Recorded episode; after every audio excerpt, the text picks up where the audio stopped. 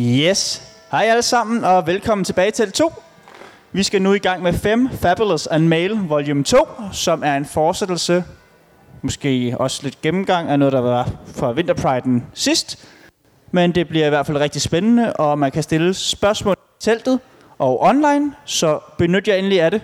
Jeg er sikker på, at der kan gives rigtig mange svar på rigtig meget her. Men Bjarke, vil du ikke være sød at introducere dig selv og dit panel?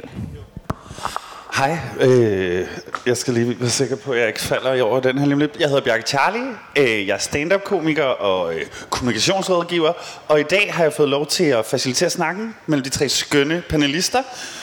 Brynhilde, Alexander og Storm. Og der står pronomener. Hvis I på et tidspunkt får lyst til at stille spørgsmål, så husk at bruge de rigtige. Øh, men lad os starte med vores gode panel. Jeg sidder så dejligt tæt på Brynhilde, så lad os starte her. Fem and fabulous and whatever. Er det, er det dig? Altså, jeg føler mig da fabelagtig. Nu har jeg taget min, øhm, min gode kjole på i dag, i dagens anledning. Øh, I anledning af regnvejret, så jeg føler mig rigtig fabelagtig i dag i hvert fald. Men er det altid kjole, eller er det, en specie- er det specielt til i dag, eller er det også sådan, vi ser dig gå på arbejde? Altså, jeg går på he- arbejde i heldragter, fordi jeg elsker en god heldragt. Altså sådan gerne med lidt øh, krøms på, og lidt kras på, og sådan lidt... Jeg elsker en god heldragt. Men altid fem and fabulous. Yep, ja tak. Altid fem and fabulous. Lad os prøve at rykke videre til Alexander. Fem and fabulous, Alexander. Hver dag, he- hele tiden. Eller Øh, kun mit til... vedkommende, så er det ikke hver dag. Øh, Jeg er lidt en uh, corporate guy til hverdag, så jeg bliver lidt nødt til at have noget øhm, jakkesæt og skjorter og sådan noget på på arbejde. Skal være præsentabel. øh, præsentere mig som he and him. Øh, men jeg værdsætter rigtig meget i min fritid og bare have det på, som der, der mm. lyster. For mit vedkommende, så handler det omkring, når der går ud af døren om morgenen, at der, det bare føler mig tilpas. Det, der giver mig sådan power på en eller anden måde. Mm. Og så er det en crop top, eller så er det en kjole, eller nogle stiletter, whatever. Mm. Så Fedt. Og øh, vores sidste panelist dernede, Storm. Fem and fabulous. Ja, nogle gange tror jeg. Ja. Og er det hver dag, er det hele tiden, eller er det Nej. også til fest? Det er til fest, ja. Jeg tror, øh, jeg bor i Aarhus, mm. og jeg er også transmand, så jeg har sådan nogle ting, der gør, at jeg gerne vil sådan præsentere maskulint mm. en gang imellem. Jeg tror meget, jeg har den her balance med at finde mellem at være feminin og maskulin. Det er noget, jeg tænker rigtig meget over, mm. og noget, jeg snakker meget om. Øh, ja. Og, og lad os bare lige kaste den her bold op i luften med det samme, fordi det, der er noget med hverdagen, hvor vi ikke... Er, er, det, i, er det i frygt, at vi, ikke, at vi ikke gør det i hverdagen, eller er det mere... Øh, sådan er det bare? Øhm, I, må, I bestemmer selv, hvem der hopper ind. Men jeg tror, at, at begge dele, tror jeg. Altså det er både sådan frygt og dysfori og sådan nogle ting, der gør, at jeg ja, prøver at passe lidt på mig selv, øh, mm. tror jeg. Men jeg vil også, jeg prøver virkelig at øve mig nu her i at ja, prøve at blive lidt bedre til at være feminin. Mm. Og dyrke det lidt. Og se det fede i det også. Og det er ikke bare noget skamfuldt og noget negativt, mm. som man ligesom skal, skal over. Men at det også er noget fedt og noget, man kan nyde at være. Og så er det jo godt, at vi kan være her, fordi her er vi helt sikkert fem and fabulous og har lov til at være det. Alexander? Øh, For mit vedkommende, der øh, er det ikke af frygt, i hvert fald til hverdag. Mm. Øh, for mit vedkommende, så handler det lidt omkring, at det øh, erhverv, jeg har med at gøre, der er der bare en lang tradition med netop at gå i jakkesæt og i skjorte. Og øh, jeg bliver lidt nødt til at spille ind i en norm og en tradition på den måde. Øh, men fordi at jeg for eksempel har skjort på, betyder det ikke, at jeg bare sådan en du ved, office blå og hvid skjort på, så har jeg et andet floweret på, og øh, noget med nogle tiger, eller Carol fucking Baskin, eller et eller andet, og så dukker op i det, og stadigvæk skaber nogle reaktioner. Det er vigtigt for mig, at selv når det er, at jeg bliver skubbet ud i nogle situationer, mm. hvor jeg skal være mere normativ, at jeg bliver at jeg får lov til også at udtrykke mig stadigvæk i det. Så på den måde, så spiller jeg stadigvæk lidt. Så du er stadigvæk komfortabel med det, så det er ikke sådan en følelse af et nederlag hver dag, når du skal på Jeg skal arbejde? ikke have, for mig er det vigtigt, at jeg ikke skal have sådan en, en dragt på. Du ved, Ja, sådan en orange dragt. Øhm, at jeg stadigvæk kan se mig selv i det. Og øhm, det er jo ikke fordi, at jeg går rundt og gemmer, hvem jeg er. Så på arbejde er jeg også fabulous og fem. Og øh, en gang imellem lige giver jeg death drop, når der, er, at jeg har en succes. Ikke? Altså, men, altså, og det har jeg heldigvis nogle kollegaer, der totalt dyrker. Så godt for mig. Men hvad med dig, Brynhilde? Altså, for mig handler det meget omkring, at det ikke er klæderne, der skaber følelsen. For, altså, fordi om jeg har joggingtøj på, eller om jeg har en skøn heldragt på, eller en tyld pink, babypink øh, kjole på, er lidt underordnet, fordi feminiteten for mit vedkommende er der jo altid. Og, det, og den, den, jeg dyrker den rigtig meget, jeg elsker den rigtig meget, det har taget mig en lang tid at nå dertil, hvor jeg ligesom kan sige, at jeg elsker min feminitet, fordi det er noget, jeg har kæmpet rigtig meget med øh, op gennem opvækst og sådan noget, og, og embrace det, og tillade mig at være det. Og det vil altid være der, om jeg er på arbejde, og jeg arbejder på et plejehjem, der kan det godt nogle gange ikke altid være helt nemt at være feminin og have et fuldskæg. Men jeg er det, og det, det er noget, der er der helt naturligt, så jeg kan jo ikke rigtig fjerne det. altså, det, det er der jo bare. Det er den, jeg er. Mm. Så at skulle gemme det, det gør jeg jo aldrig. Men, men og det, det, er ligesom, det, det er ikke noget, man sådan bare kan tænde og slukke for. Det Nej. ligger jo også som en del af personligheden. Mm. For ikke bare panelet, men også for undertegnet. At, at det ikke er noget, man, Og grunden til at spørge til frygt er faktisk, fordi når jeg går derude, så bliver det lagt meget mærke til at feminin. Men når jeg kommer herind, så kan jeg godt være sådan, nå, så føler jeg mig ikke særlig feminin længere. Stadigvæk fabulous, men, men ikke så det, feminin. det er som om ens skuldre lige siger, Ja, præcis. og så sidder man der og bare helt sådan, ah, Og alle er rare, og man er ikke bange for at blive grinet af. Men man er alligevel bange for at vurdere, om man er feminin nok, eller queer nok, eller et eller andet. Noget. Er det noget, I kan genkende? Øhm, bare lige hurtigt lige for at øh, Ja. lige dykke ind i det, I lige sagde før. Det her med, at øhm, netop det her med at tage tøj på, og så at det det, der sådan er ens femininitet. Det er jo som der Brunhilde, hun siger, at det er, at det er jo noget, der eksisterer i os. Og det er noget, der bare er en del af os. Men det er jo den måde, vi visuelt, det er det, der ofte skaber en reaktion i andre. Vi er heldigvis nået rigtig langt i vores øh, samfund og i vores miljø, hvor der er et femininitet og så videre. Det er mere accepteret, men det er stadigvæk, det visuelle kan stadigvæk trigge rigtig meget negativitet inden for vores miljø, øh, og også uden for det.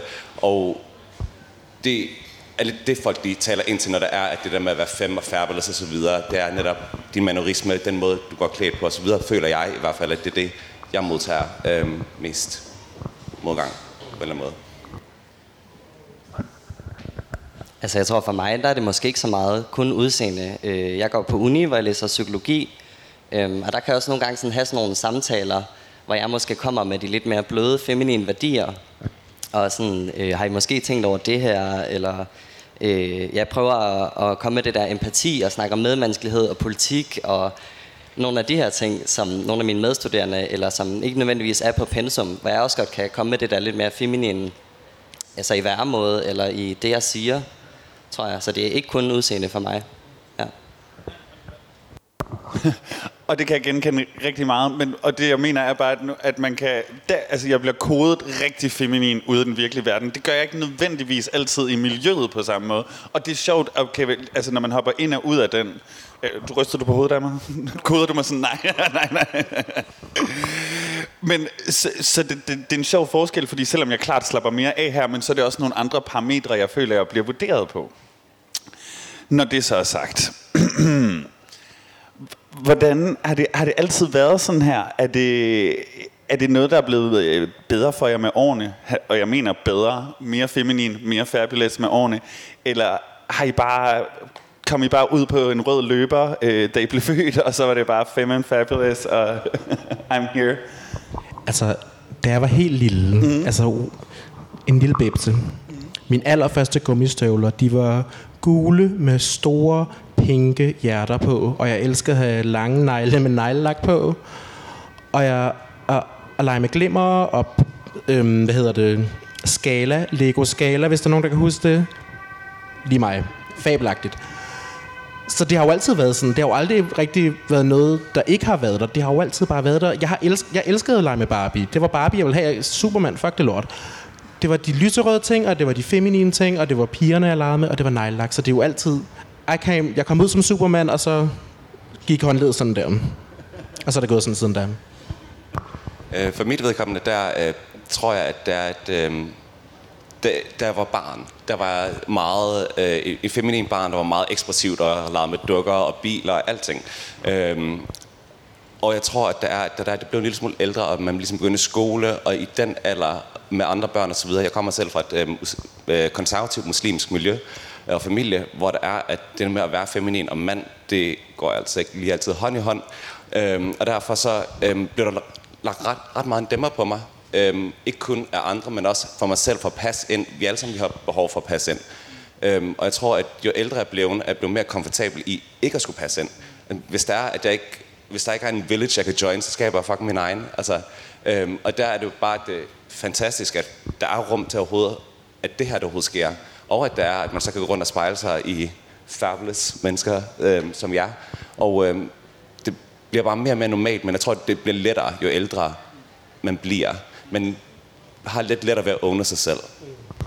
Jamen, fordi, og lad os bare snakke lidt mere om det, fordi det er identitetsskabende for de fleste teenager, der vokser op, så har de hinanden at spejle af. Men hvor, hvor går man så hen, når man som os øh, falder lidt uden for de rammer? Hvordan skaber man identiteten? Er det bare, fordi vi gør det bare selv? Vi starter vores egen fucking tribe, og så øh, to hell with it? Det var i hvert fald ikke noget, jeg kunne finde ud af, da jeg var yngre. Mm. Øhm, og det ville have været for meget at bede mig om at skabe min egen village dengang. Og det er heller ikke fordi, at, at jeg er sådan en uh, groundbreaker, der har skabt min egen village. Jeg har jo nogle fantastiske venner, som er en del af min village osv. Men unge mennesker, jeg tror, at de har et bedre udgangspunkt. Ikke fordi det er let for dem, eller lettere, men jeg tror, de har et bedre udgangspunkt i dag i forhold til, at der er internet, der er der. De kan gå på YouTube, RuPaul's Drag Race, og der, der er bare mere at spejle sig i i forhold til dengang jeg var ung. Det eneste, jeg kunne spejle mig i, da jeg voksede op øh, i Mellemøsten, det var en øh, transkønnet kvinde i fjernsynet. Det var det eneste homoseksuelle eller queer overhovedet. Og hvad jeg vidste, det var, at hende der, vi er similar, men jeg er jo heller ikke ligesom hende.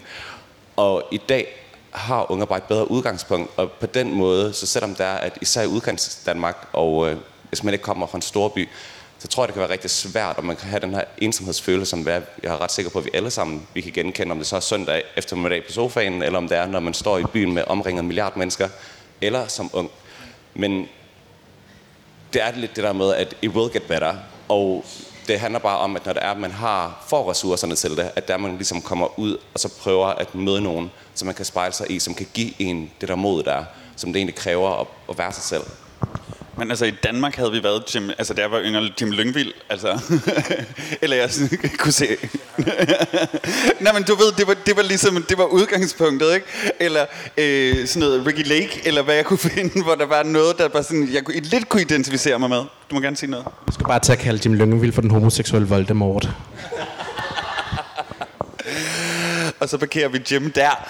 Øh, men, men, men, men det er jo hårdt at, øh, at, at gå igennem alene og skal spejle sig, så vil det sige, udskyder man noget af sin teenage-tid til 20'erne, 30'erne, øh, i stedet for? Altså, er det noget, man, hvor andre får lov til at have din identitetsdannelse som teenager, som vi så først gør senere? Altså, er det det, er det, det der sker? Så møder vi vores netværk i øh, miljøet, og så gør vi det sammen.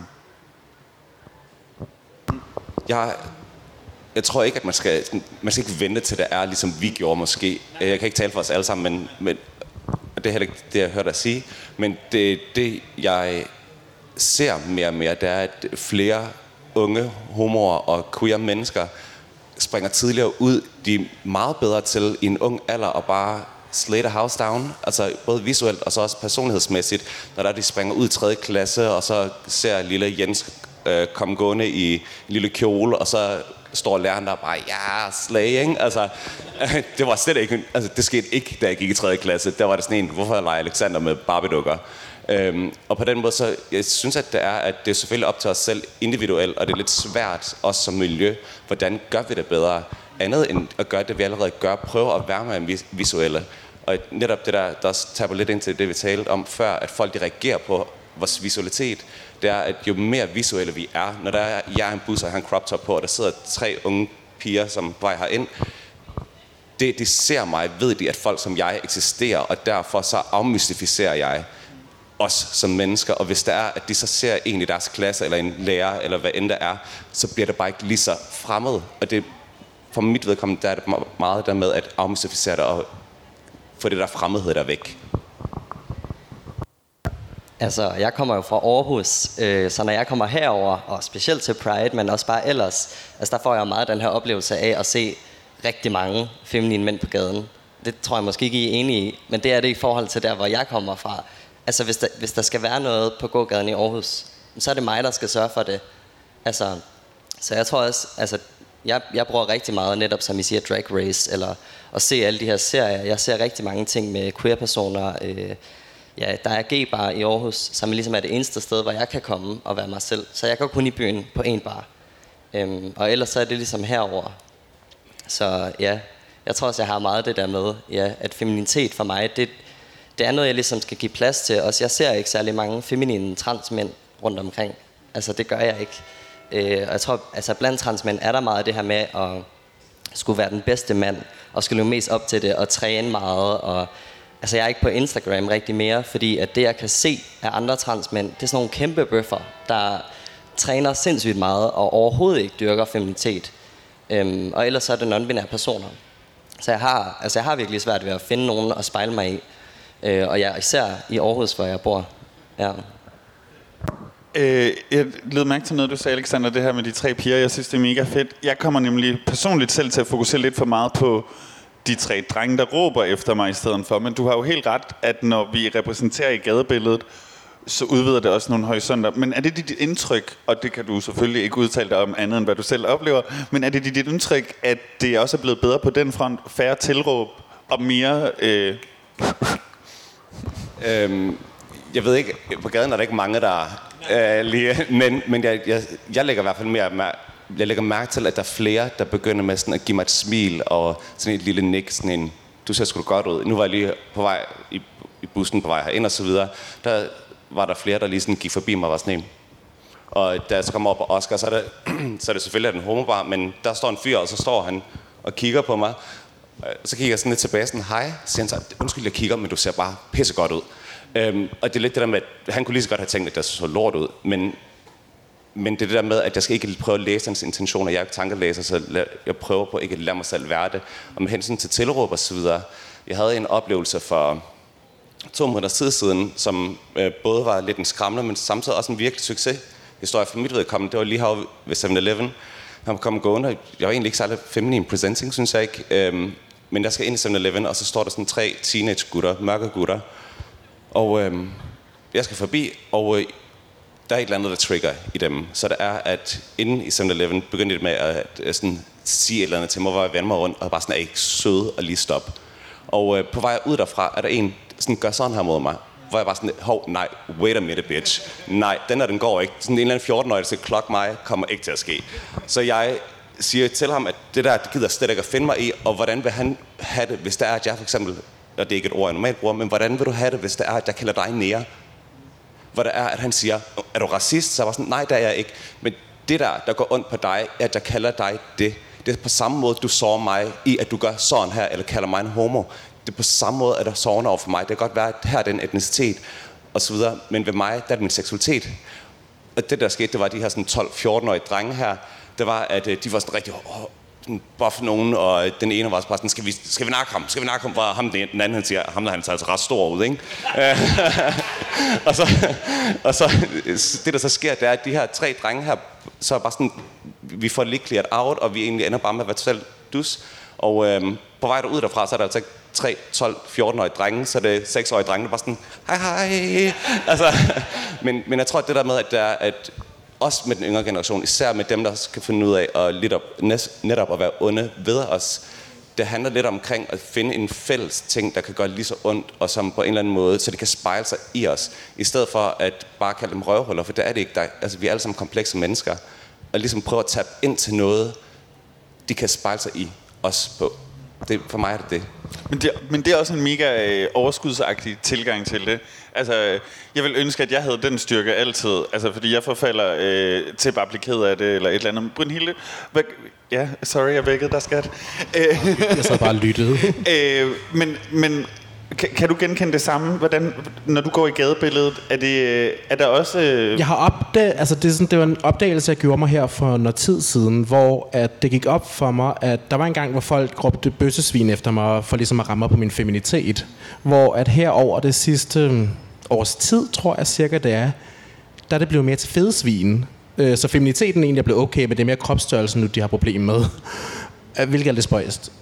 Um, men tilråbene er der jo stadig, og de, altså, fordi man netop er så eksplicit feminin i det offentlige rum, så er det jo lige pludselig, man står frem som en bullen tommelfinger, fyldt med betændelse. Og folk ser det og reagerer på det, men jeg har sådan en skøn en ude øh, i Lærgårdsparken, hvor jeg bor. Hun kører sådan en lille Skoda, grå Skoda, og hver gang hun ser mig, så kommer armen op, og den svinger bare fra side til side. Og hun er skøn det er sådan en dejlig tilråb, jeg får sådan ret ofte, for ligesom at sige, you're here, you're queer, I see you. Så lidt catcalling i virkeligheden. Vel, lidt hvad? Lidt catcalling. Nej, hun er bare fan. Ja. Nej, nej, hun er bare fan. Godt.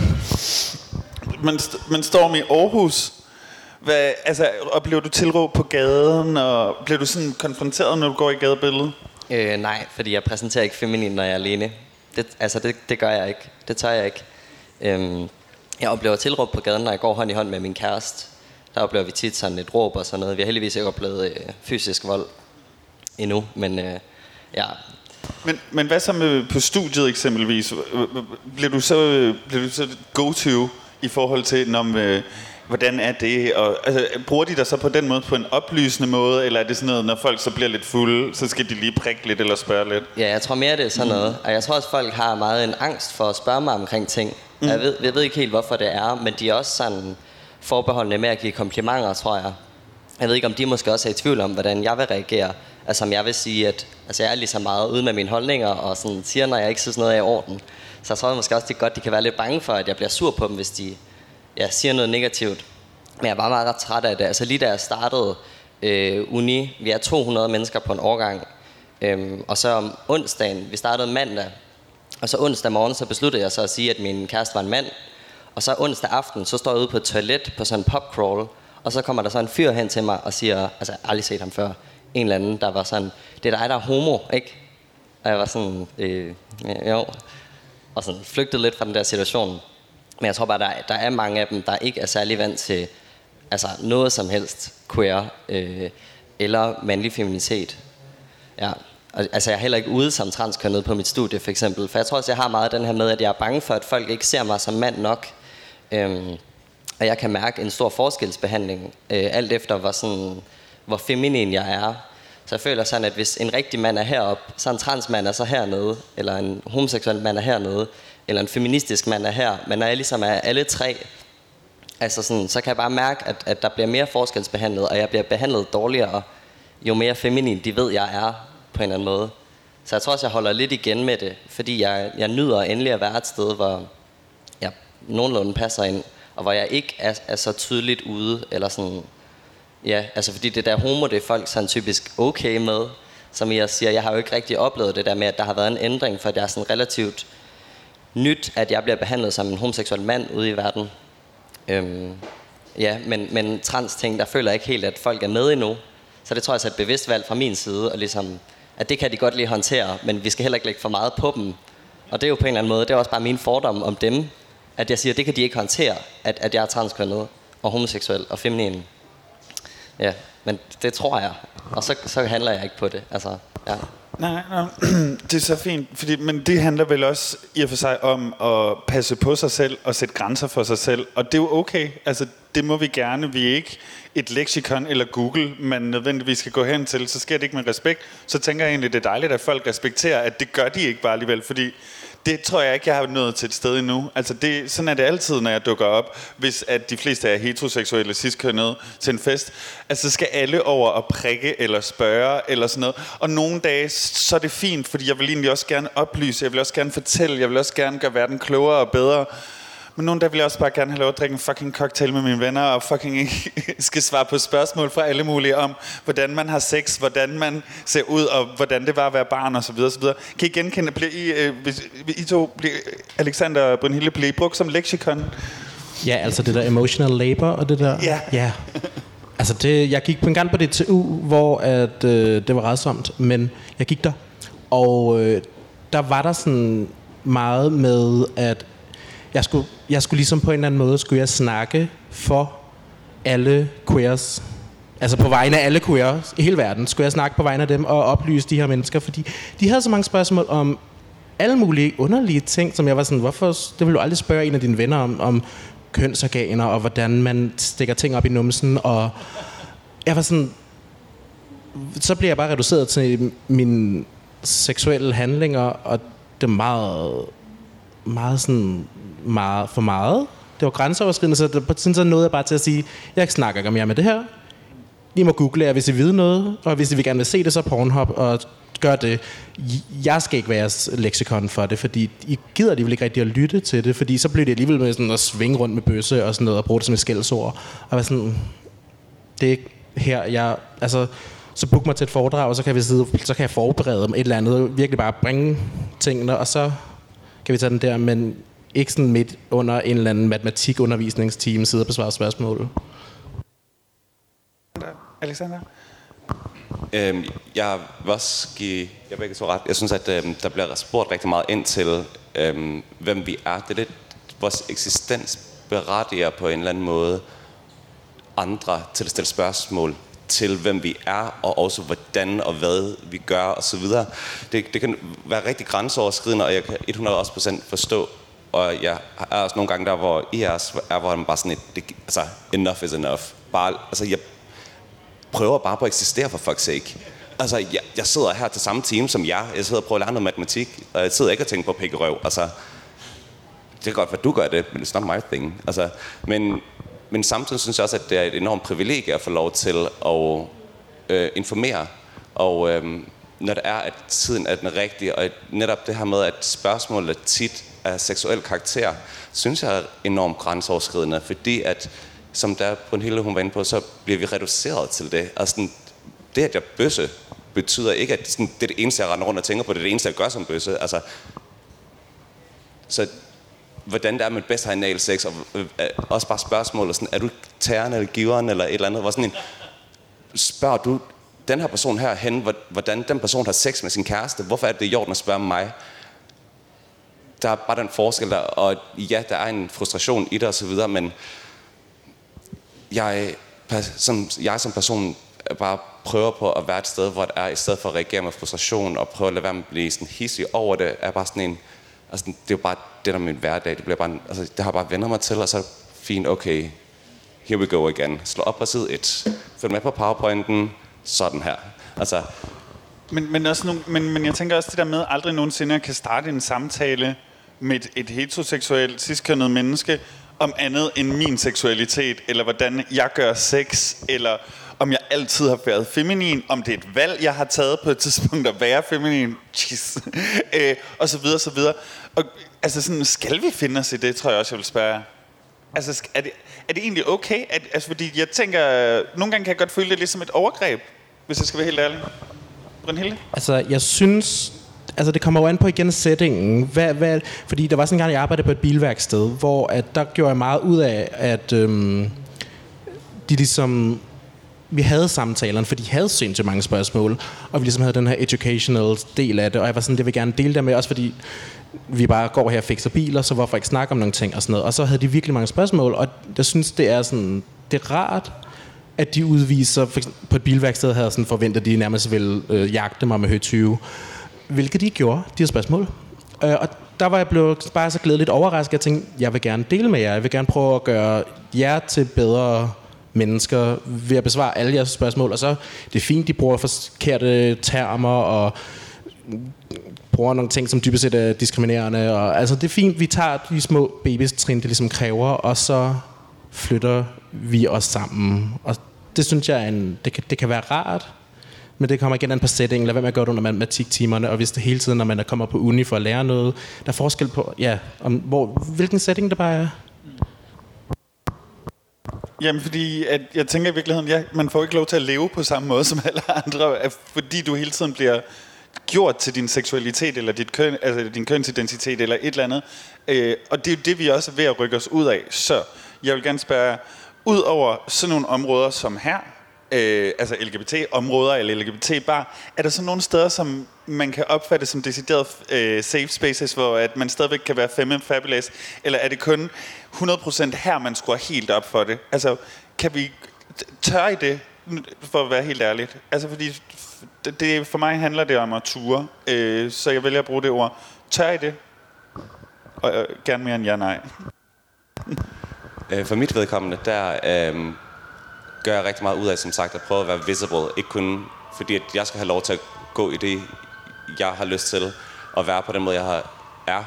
Øh, det er ikke et valg, jeg træffer at være, hvem jeg er, eller det, og tøj og så videre. Det, jeg køber bare det, det tøj, som der, jeg føler mig komfortabel i, på samme måde, som I gør det. Og, øhm, og ja, det her med at skabe safe spaces. Hvis jeg, hvis jeg skal på heterobar øh, med enten queer venner eller øh, hetero venner, så dukker jeg bare op i det, jeg dukker op i, og øhm, så må folk bare acceptere det. Altså, jeg, jeg hater heller ikke på nogen, fordi at jeg ikke kan lide farven gul. Altså, du ved sådan, øh, du må ikke gul på. Skal, altså, hvordan skal jeg så grund rundt og klokke folk for det? På samme måde vil jeg heller ikke have, at det gør det mig, men det skaber nogle reaktioner en gang imellem. Og der er også, at øh, for eksempel hvis der er, man skal på toilet, og jeg kommer ind på en heterobar, og jeg øh, har crop top på, er jeg lidt mere bevidst omkring, at jeg vil gerne vil have en vis afstand til folk, så der, at de ikke tror, at øh, der ham bøssen, der står og kigger ind over skulderen, mens man pisser, eller et eller andet. Så jeg prøver på at skabe en, et rum, hvor der er sådan gensidig respekt på en eller anden måde. Hvis jeg respekterer jer, så respekterer I forhåbentlig også mig. Hvordan går det så? Altså, går det altid godt? Øh, og, og, og tillæg til det også, hvor finder du mod til det overhovedet? Øhm, nej, det går ikke altid godt. Der er, der er gange, hvor der er, at jeg bliver seksualiseret af heterofører, fordi de synes, at det er en sjov lille, hvad hedder det, sådan gimmick på en eller anden måde, og de tager en, en homo på røven, sådan, haha, I'm naughty, og sådan en, det er heller ikke okay ved kvinder, det er heller ikke okay ved mig. Altså, bare lade være med grund at tage på folk, sådan in general. Øhm, og samtidig også det her med, at de kan være sådan næsten skræmte på en eller anden måde en gang imellem sådan en, åh, og sådan en, altså slap af. Det er ikke fordi jeg har corona. Øh, øhm, men ja, altså hvor mod, det ved jeg ikke, altså jeg Tænker du overhovedet over det som modigt? Nej, fordi det har lidt svært netop det narrativ, at det er modigt eller inspirerende og så videre, fordi at det ikke, altså det er ikke det, jeg er. Jeg er bare mig selv. Det, jeg, nogle gange synes jeg, det er lettere at gå ud i public med en crop top på, fordi at jeg er lige så usikker på mange områder, som alle andre de er. Så når det er, at jeg går ud, og jeg ikke præsenterer andet end bare sådan almindelig everyday clothes, som man ser alle andre i, så og folk kigger, eller peger, eller griner, eller et eller andet, så bliver jeg efterladt med tanken om selv at skulle finde ud af, hvorfor er det det her? Er det fordi, der måde jeg går på? Er det mit hår? Eller er det på grund af min adfærd? Hvad er det? Hvor der er, nogle gange så er det bare fucking nemmere at have en crop top på, og så hvis den anden peger, så er bare sådan, nå ja, det er også fordi, jeg render rundt med min belly button out. Og så, så er det mindst, så ved jeg, hvorfor på en eller anden måde. Så det kan også, på, på mit vedkommende kan det også nogle gange være et skjold, sådan en, så ved jeg det mindste, hvorfor. Det er teflon, crop top er teflon. ja, eller en kjole, eller et par stiletter, eller et eller andet, så ved jeg, hvorfor de kigger, så bliver jeg ikke efterladt med, med selv at skulle finde ud af det, øh, som man nogle gange kan gøre. Og øh, mod og inspiration, det er ikke det, jeg tænker. Altså, jeg Nå, er det, men prøver det, bare at være mig selv. Nej, og det er helt fair. Brynhilde, øh, kan du genkende noget af det, Alexander siger? Det er også sådan, når du, hvis du går på heterobar, hvis du overhovedet gør det. Altså de gange, jeg har prøvet at blive afvist i døren. Er det rigtigt? Ja. For... Altså, Heidi's Beer Bar, I'm not welcome there. Nå? Ja. Øh, okay, så det går ikke særlig godt, kan man ligesom sige. Uh, nej. Uh, altså, det er altid med undskyldning, at jeg er til fare for andre. Fordi... Fordi, så bliver, fordi de bliver provokeret af mig. Ikke? Eller- jeg tror, det er lidt, eller den ligger i. Ja. Så jeg kommer kun på Gay Copenhagen. Er der andre steder, så, hvis vi skal bevæge os væk fra bylivet, hvor du føler, du kan presente og være dig selv, som ikke er LGBT-miljøet, eller er det... Altså, jeg vælger jo aktivt nærmest hver dag mm. at gå ud og være feminin og embrace det, og mm. tage det med mig i, hvor end jeg skal hen. Det er jo et aktivt valg, jeg mm. gør hver evig eneste dag, fordi jeg ved, det er noget... Det, det har konsekvenser for, hvordan verden ligesom tager imod mig.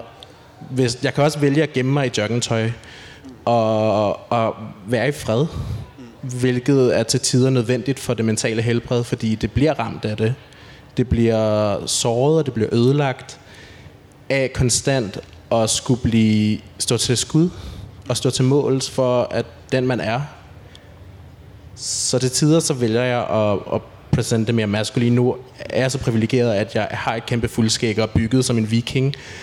Så jeg kan forholdsvis nemt, hvis jeg tager en skjorte på, så er jeg bare en, eller anden, en, en god øh, CBS blå skjorte på, så kan man nemmere glide igennem indtil det øjeblik, hvor min krop vælger lige at lave wit, eller ja, min stemme siger yeah, fordi så er jeg ligesom så er jeg blevet klogt i min feminitet. Men frem til da, så kan jeg nemlig beskytte mig med at være det. Så det er jo et aktivt valg, jeg laver hver dag, om for vidt jeg tør at kunne stå til måls, for man ved jo aldrig, hvad der sker. Jeg, tager, jeg vælger aktivt at tage metroen rundt, for eksempel, øh, når jeg er i drag, eller når jeg er i mig selv, eller hvad end jeg er i. Nogle mennesker får vide omkring, jeg, når jeg er drag, og når jeg ikke er. Det er noget helt andet. Um, jeg er meget feminin altid, når jeg har makeup på. Jeg vælger at tage metroen, fordi at der er rigtig mange, der ikke tør at tage metroen. På grund af, de er bange for, hvad der skal ske, og der sker ting i metroen. Men jeg vælger aktivt at gøre det, og jeg ved, det er lidt af med mig selv på bekostning, når jeg gør det. Fordi er det ikke at gøre vold på sig selv lidt? Hvis, altså, fordi der er vel en frygt i det stadigvæk, selvom man gør det. Så, eller hvad? Altså, nu har jeg fået en ret god øh, terapeut og en gang god angstmedicin, så det er ret begrænset med, hvor meget der ligesom sidder i kroppen, men det er jo når andre årsager, der er til mm. det. Fordi det er da noget, man hele tiden er bevidst omkring, når man ligesom mm. bevæger sig i det offentligheden. Mm. Hvad møder man? Fedt. Nu, altså Storm, nu præsenter du jo ikke på samme måde som de andre to, men kan du genkende noget af det, de siger i forhold til at skrue op og ned og volume og øh, hvilke steder man gør det? Altså, er det hvor, hvor føler du dig allermest tryg til at præsente? Det er nok i LGBT-miljøet, eller ja. sådan i intersektionel feministiske kreds. Der kan jeg også godt føle, at jeg kan være mig selv. Men jeg tror også meget, at jeg er ved at nå til et punkt, hvor jeg er sådan, at det er egentlig et ret fucked up valg at skulle tage det her med enten at, at skulle være sig selv og møde vold fra omverdenen. Jeg synes egentlig også på en måde, det er vold at putte sig selv ind i en kasse og, og tage joggingtøj på og tage jeans på, selvom man ikke har lyst. Altså, det synes jeg på en eller anden måde, det, det er virkelig fucked up, at man skal tage det valg. Og der tror jeg også, det er sådan, det er jo fint nok, at man nogle gange tager den ene valgmulighed for at passe på sig selv, på sin sikkerhed. Men jeg synes også bare, det er at passe på sig selv og ligesom være sig selv og give sig selv plads til at udtrykke de her ting. Fordi jeg tror, det er måske endda mere skadeligt at gå og, og pakke sig selv ind hele tiden og være sådan, jeg skal også bare være lille mus, og jeg må ikke være mig. Altså, så jeg tror også, jeg prøver virkelig at, at øve mig i at blive bedre til at, og ikke være så skamfuld eller så angst hele tiden. Det er sådan nogle negative følelser, der hele tiden fylder, men man bliver også bare nødt til at prøve at, selvom det er svært, og jeg selv er virkelig dårlig til det, men at prøve at finde de her positive følelser omkring sin feminitet, omkring at udtrykke den. Både, som vi snakker med udseende, med tøj og sådan noget, men også bare med det, man siger. Og sådan, jeg synes bare, det er enormt vigtigt. Ja. Altså, øh, Altså, er I, er I alle tre enige om, at, det der, at man faktisk skal vælge hver dag, om hvor langt man er villig til at gå, fordi man ved også, at det har konsekvenser. Noget af det, som jeg fiskede efter, nu spørger jeg mere direkte, hvad med sådan et sted, nu, Storm, nu sagde du, du havde, var ikke så meget på Instagram mere, eller var det sociale medier generelt, men hvad med sociale medier? Er det, altså, det, er jo, det er jo en udvidelse af virkeligheden, hvor vi også kan presente, men har en anden afstand, end når vi, end bare, når vi bare går igennem øh, bybilledet. Giver det, kan, kan det give styrke, eller er det ligesom bare at være udenfor? Altså kan det give styrke, at man får likes og gode kommentarer med på vejen, og folk dyrker en, eller altså... Man kan jo ligesom præsentere sig, som man vil på sociale medier. Giver mit spørgsmål overhovedet mening? I ser alle tre super forvirret ud. du skal huske mikrofon. Det du spørger lidt efter, det er om ja. den bekræftelse, vi man måske også kan hikke efter, om man også kan få den via sociale medier, det er nemmere at være sig selv. Altså ligesom dyrke sin persona, eller hvad man kan ja, sige, dyrke ja. sin person, i virke, ja. er det jo i virkeligheden. At man får lov til at være mere sig selv, fordi det er mere kontrolleret Og du environment. Kan, ikke... Ja, okay. Uh, nej, for mit vedkommende så nej. Uh, jeg kan godt forstå, at der er nogen, der gør det, og det er jeg sikker på, at der er en masse mennesker, der gør. Uh, hvilket der ikke ser noget forkert i, hverken den måde, jeg gør det på, eller andre bruger sociale medier på. Men ja, jeg tror, at for nogen er det sundt at have det outlet. Uh, og for mit vedkommende, der er det bare en forlængelse af min hverdag, du ved, sådan, så er det bare det tøj, jeg har på, og så en lille pose, eller sidder og hygger med vino med venner, altså ved, sådan bare everyday kedelige ting på, som alle andre, de også har. Jeg, jeg bruger det ikke for at komme frem med en statement. Det gør jeg nogle gange. Øh, for eksempel Genders Over, det var en t-shirt før, så måtte den lade halsen, og så blev det en crop top, ikke? men, så, men den for eksempel, den ved jeg, når jeg poster det på Instagram, at det for mig er det en statement også at gøre, så der er mit netværk, som jeg ved accepterer mig osv., også kan ligesom se det sådan, jeg er out and about på en eller anden måde, men for eksempel så har jeg et privat konto på Instagram, fordi at jeg vil egentlig bare hellere holde den del af mit liv også bare for mig selv, og ikke øh, nødvendigvis have et fremmed menneske skal kunne komme ind og så hate. Men, men altså, og det, og det jeg spørger lidt til er også, Altså, man kan have haft en øh, forfærdelig dag, man har været ude, folk har været nederen, men, men, men Instagram kan fungere på en eller anden måde, eller andre sociale medier kan også fungere lidt mere som en safe space, blandt andet ved, at man kan privatisere det. Altså, ændrer det noget i forhold til selvværdet og modet, som jeg ikke skal nok skal stoppe med at kalde mod, men i forhold til at være sig selv og ligesom være og hvile i det, når du så går udenfor?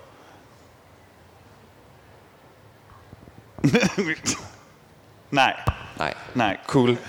Brynhilde, Instagram, er det, øh, gør det noget for dig? Altså, Kilder det et rigtigt sted, han har sagt? Altså, det, man kan jo kuratere sin Instagram på en eller anden måde, til man er i de forskellige miljøer, som man ved accepterer en, altså for eksempel plus size communities, og queer communities, og activist communities osv., hvor der bare er lidt højere til loftet. Øhm, men den, det, er jo, altså, det, det, det, er ikke noget, jeg bruger sådan til at validere mig selv på en eller anden måde, og til at, men, men det er alligevel et medie, man kan bruge, som jeg også lidt ville ønske, jeg havde, da jeg var yngre, til netop at kunne finde nogen at spejle sig i. Så man ligesom er sådan, fordi du når bare hele verden på en måde, så du har mulighed for at kunne finde flere og netop spejle dig. Det havde man jo ikke dengang, da vi var yngre, eller da jeg var yngre, nu skal jeg lade være med at sige vi. Da jeg var yngre, der havde jeg jo ikke rigtig muligheden for at kunne, altså den eneste, det havde Ugly Betty, hvor der var en homoseksuel romance i, det var det, jeg hvad havde spejlet mig i. Altså, og så kom Glee, og så var jeg sådan solgt. Det var, det var de to referencer, jeg havde, da jeg var ung. Jamen, og, og, og det, som jeg egentlig gerne vil hen til, er jo, at, at det er jo en kontrolleret virkelighed, man har på Instagram. I hvert fald kan man kontrollere den på en anden måde. Og når du går ud på gaden, er det ikke en kontrolleret virkelighed. Du ved ikke, hvad der kommer imod dig. Du ved ikke, hvem du møder. Så det er sådan, at, at det digitale har givet os et ekstra, en ekstra dimension til virkeligheden. Altså, for det er jo også virkeligheden, det der foregår på Insta. Så jeg vil bare ligesom spørge ind til, om, om det var et sted, man kunne være safe, mere safe, end det at gå på gaden. Storm. Altså jeg tror måske, jeg har brugt sociale medier mere, end jeg gør nu, men jeg tror mere nu, altså i forhold til det der med, at du siger med kontrol, altså den tror jeg også lidt, jeg bruger med for eksempel at komme her og kunne mere være sig selv. Jeg tror hellere, jeg vil gøre det i virkeligheden, fordi jeg kan mærke på mig selv, at det giver egentlig ikke mig rigtigt det der ekstra skub at lægge noget op online. Så tager jeg stadig ikke uden for min hoveddør.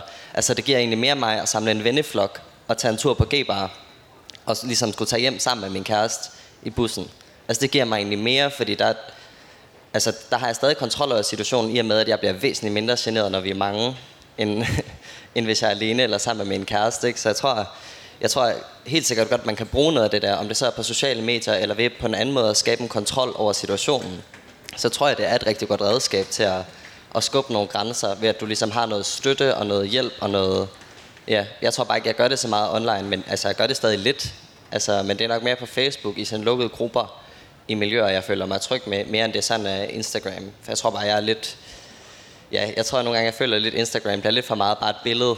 Øhm, ja, jeg føler stadig, der er nogle øh, sådan krav, jeg skal leve op til, på, når det er bare billeder. Øh, især i forhold til at være, til at transkønnet, øh, men egentlig også i forhold til andre bøsser. Jeg føler, at mange bøsser er sådan virkelig sådan høje, muskuløse, seje, og så kan de lige tage noget mascara på, og så er det mega sejt, men jeg er sådan, det er bare ikke, altså, jeg har lige nogle ekstra ting, der gør, at, at, at jeg bliver, altså, jeg er ikke så tæt på idealet, og så kan jeg bare lige tage noget makeup på, og så er jeg mega sej, altså sådan, ja, så jeg tror heller, jeg vil skabe den kontrol på en anden måde, men jeg forstår godt, hvordan det kan være en super fed måde at skabe den kontrol på. Brynhilde? Ja, det kommer også lige til at tænke på noget andet. Altså, for, når det kommer til sociale medier, så er der også hele det element af, at Instagram for eksempel jo er kendt, som du nu har nævnt, for at censurere rigtig mange øh, tykke kroppe og feminine kroppe. Så det er jo ikke fordi, at man sådan rigtig får... Altså, det, altså plus, det er jo også, når du sætter dig selv ud der, så er der også hele chancen for, at man netop får negative kommentarer tilbage, og man får også øh, dødstrusler, og man får også reaktioner, der er negative, på grund af, at man er på sociale medier, så det er ikke fordi, man skaber et safe space, som så. Alexander? Øhm, I forhold til det her med kontrol og så videre, hvor der er et, vores virkelighed her, den kan vi selvfølgelig kontrollere, hvad der, hvad der kommer imod os. Det kan det jo heller ikke helt på sociale medier, føler jeg. Men den måde, der det kan skabe kontrol på, er også, at her, hvis der er nogen, der råber efter mig, så er det lige nu og i momentet, jeg skal reagere, og det er hurtigt. Det er fight or flight moment, hvor der er, at når der er, du er på sociale medier, er der nogen, der smider en negativ kommentar, så videre, er du lidt mere i dit altså, du, i kontrolleret område, hvor der du får lov til at reagere, får lov til at være det mere modigere, kan være lidt massage, uden at være bange for at få en knytnæve i hovedet.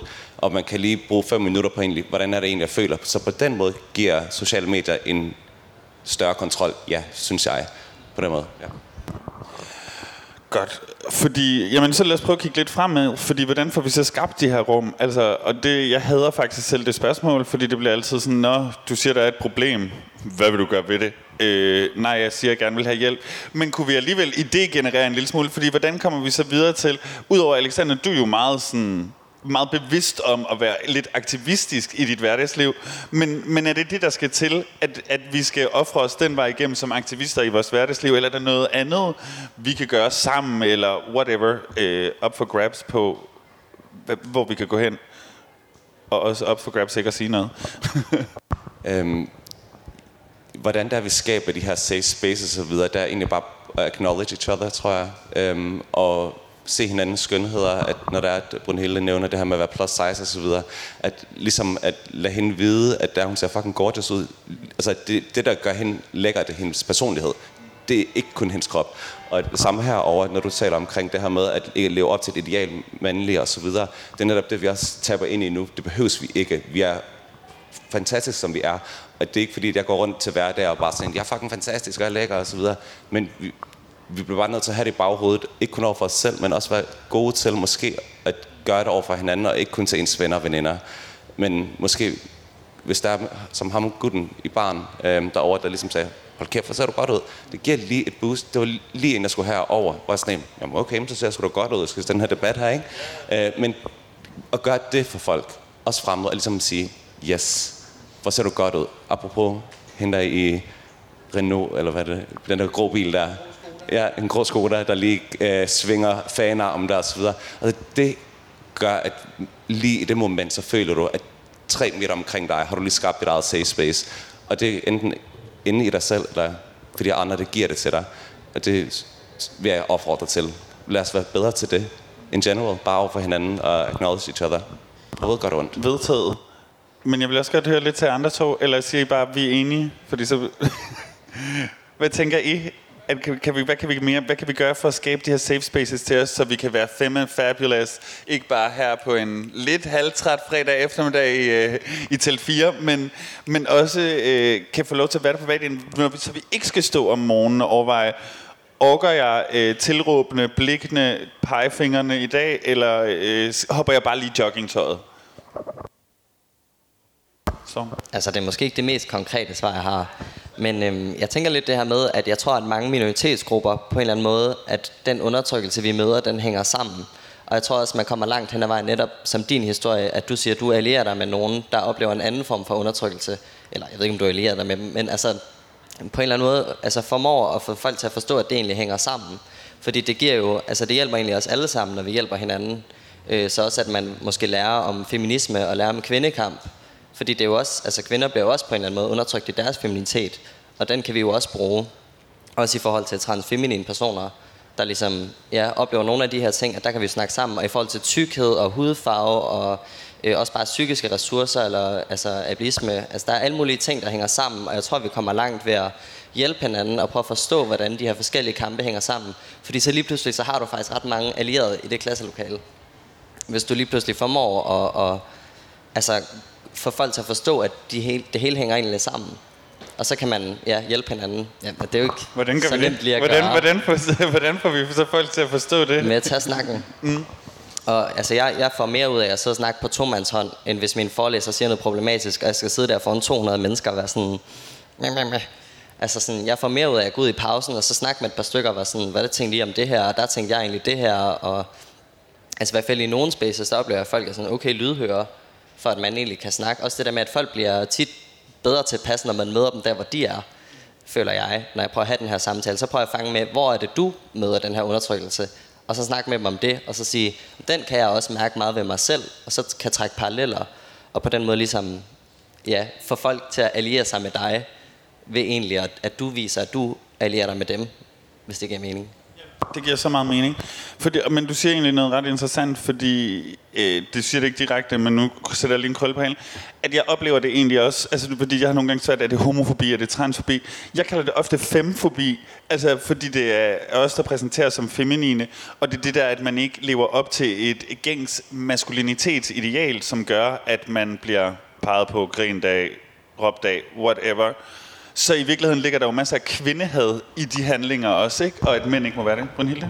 Jeg skulle bare til at sige, at det er jo et patriarkalsk problem, at man ser det som nedværdigende, når, når maskuline kroppe feminiserer sig selv, jo. Det er jo et patriarkalsk problem. Det er jo ikke... Det er jo, det er jo et kvindehadsk problem.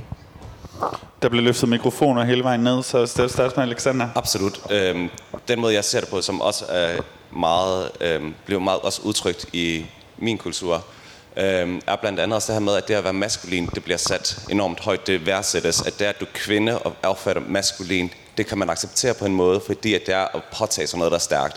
Men lige så snart der er kvinder og mænd, de gør sig mere feminine, og så, øh, bare kvinder er, der i sig selv er feminine, eller fyre, der er feminine osv., så, videre, så er det ligesom om, at du har gjort plads til noget svaghed frem for noget stærkt, og at det ses som et svaghedstegn. Så det er rigtig meget det, at vi som homoer, og det er bare vi som øh, bi, queer, trans, alle, hele regnbuen, bare det, at vi er mere i, i essensen på en eller anden måde feminine. Det er det, folk de ligesom taber ind i. Så det er meget kvinderhadskridt. Det er fem-hating.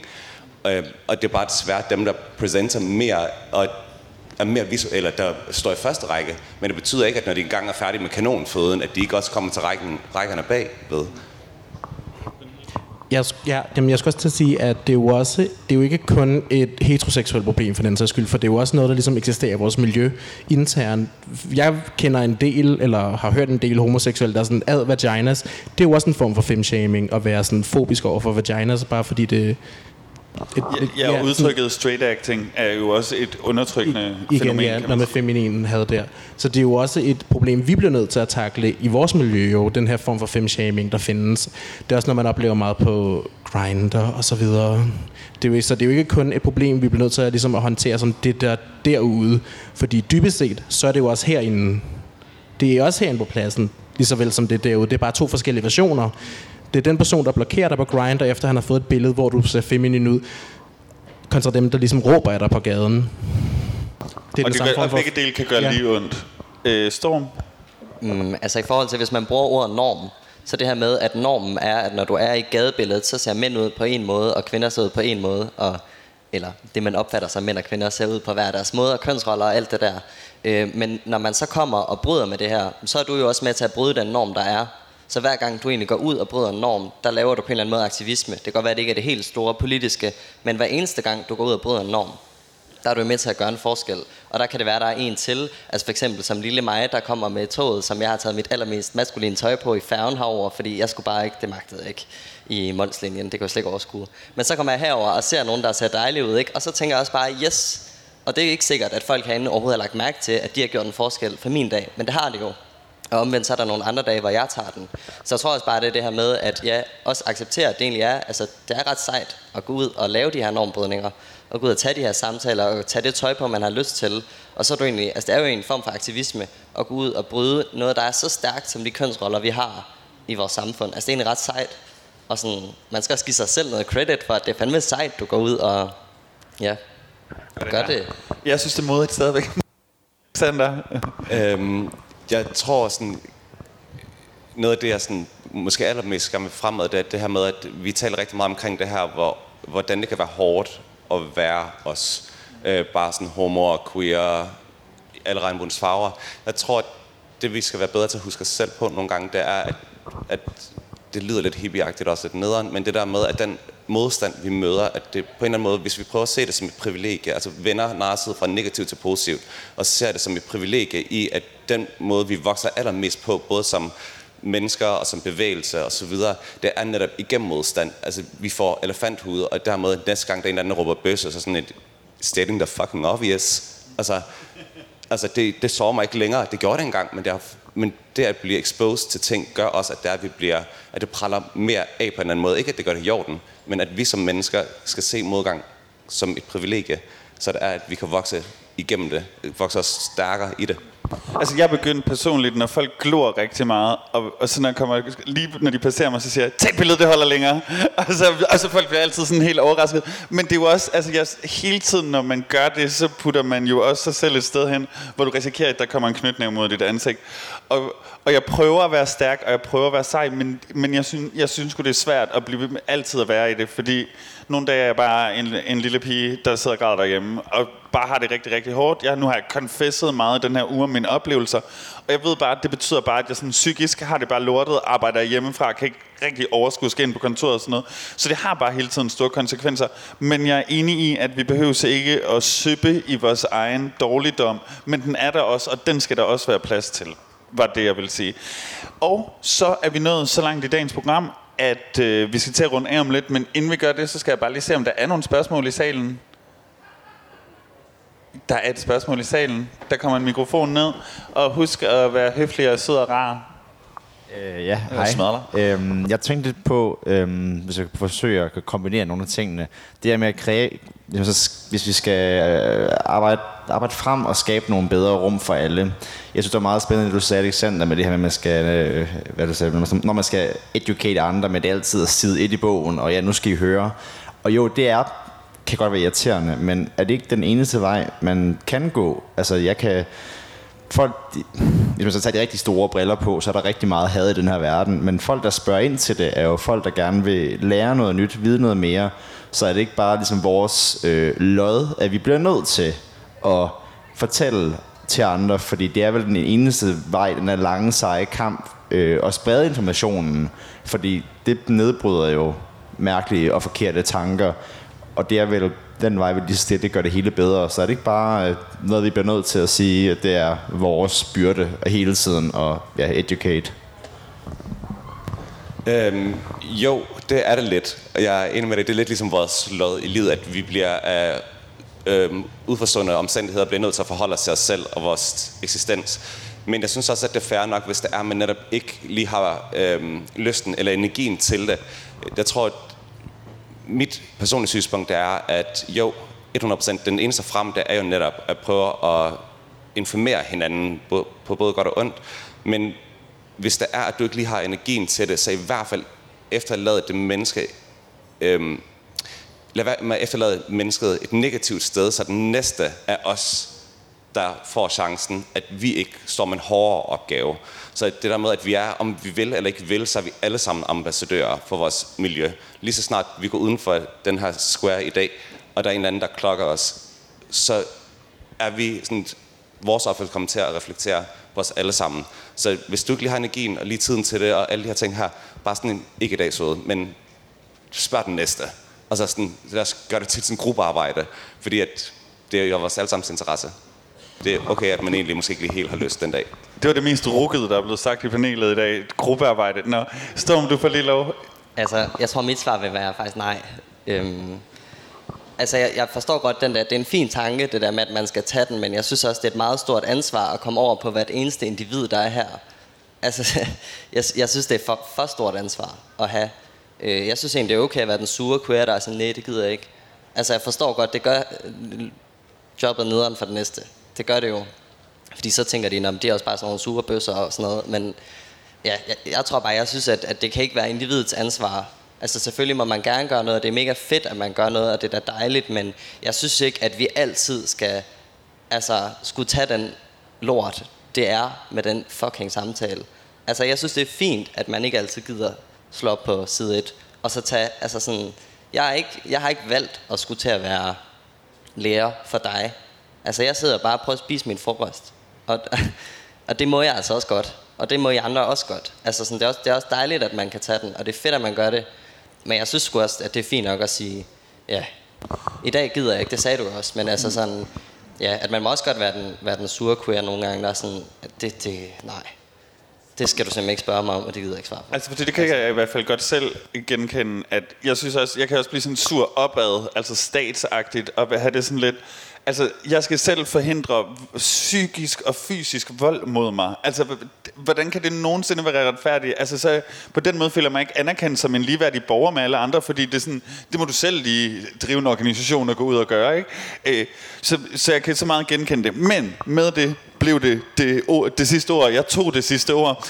Øh, det er privilegiet, man har, når man har fået lov til at præsentere. Tak til Brynhilde, Alexander og Storm. Og gå nu ud og nyd jeres fredag, nyd jeres weekend og vær fem af fabulous. Tak for i dag. Mange tak for det. Og rigtig mange tak for det, Bjarke også. Giv også Bjarke en stor hånd.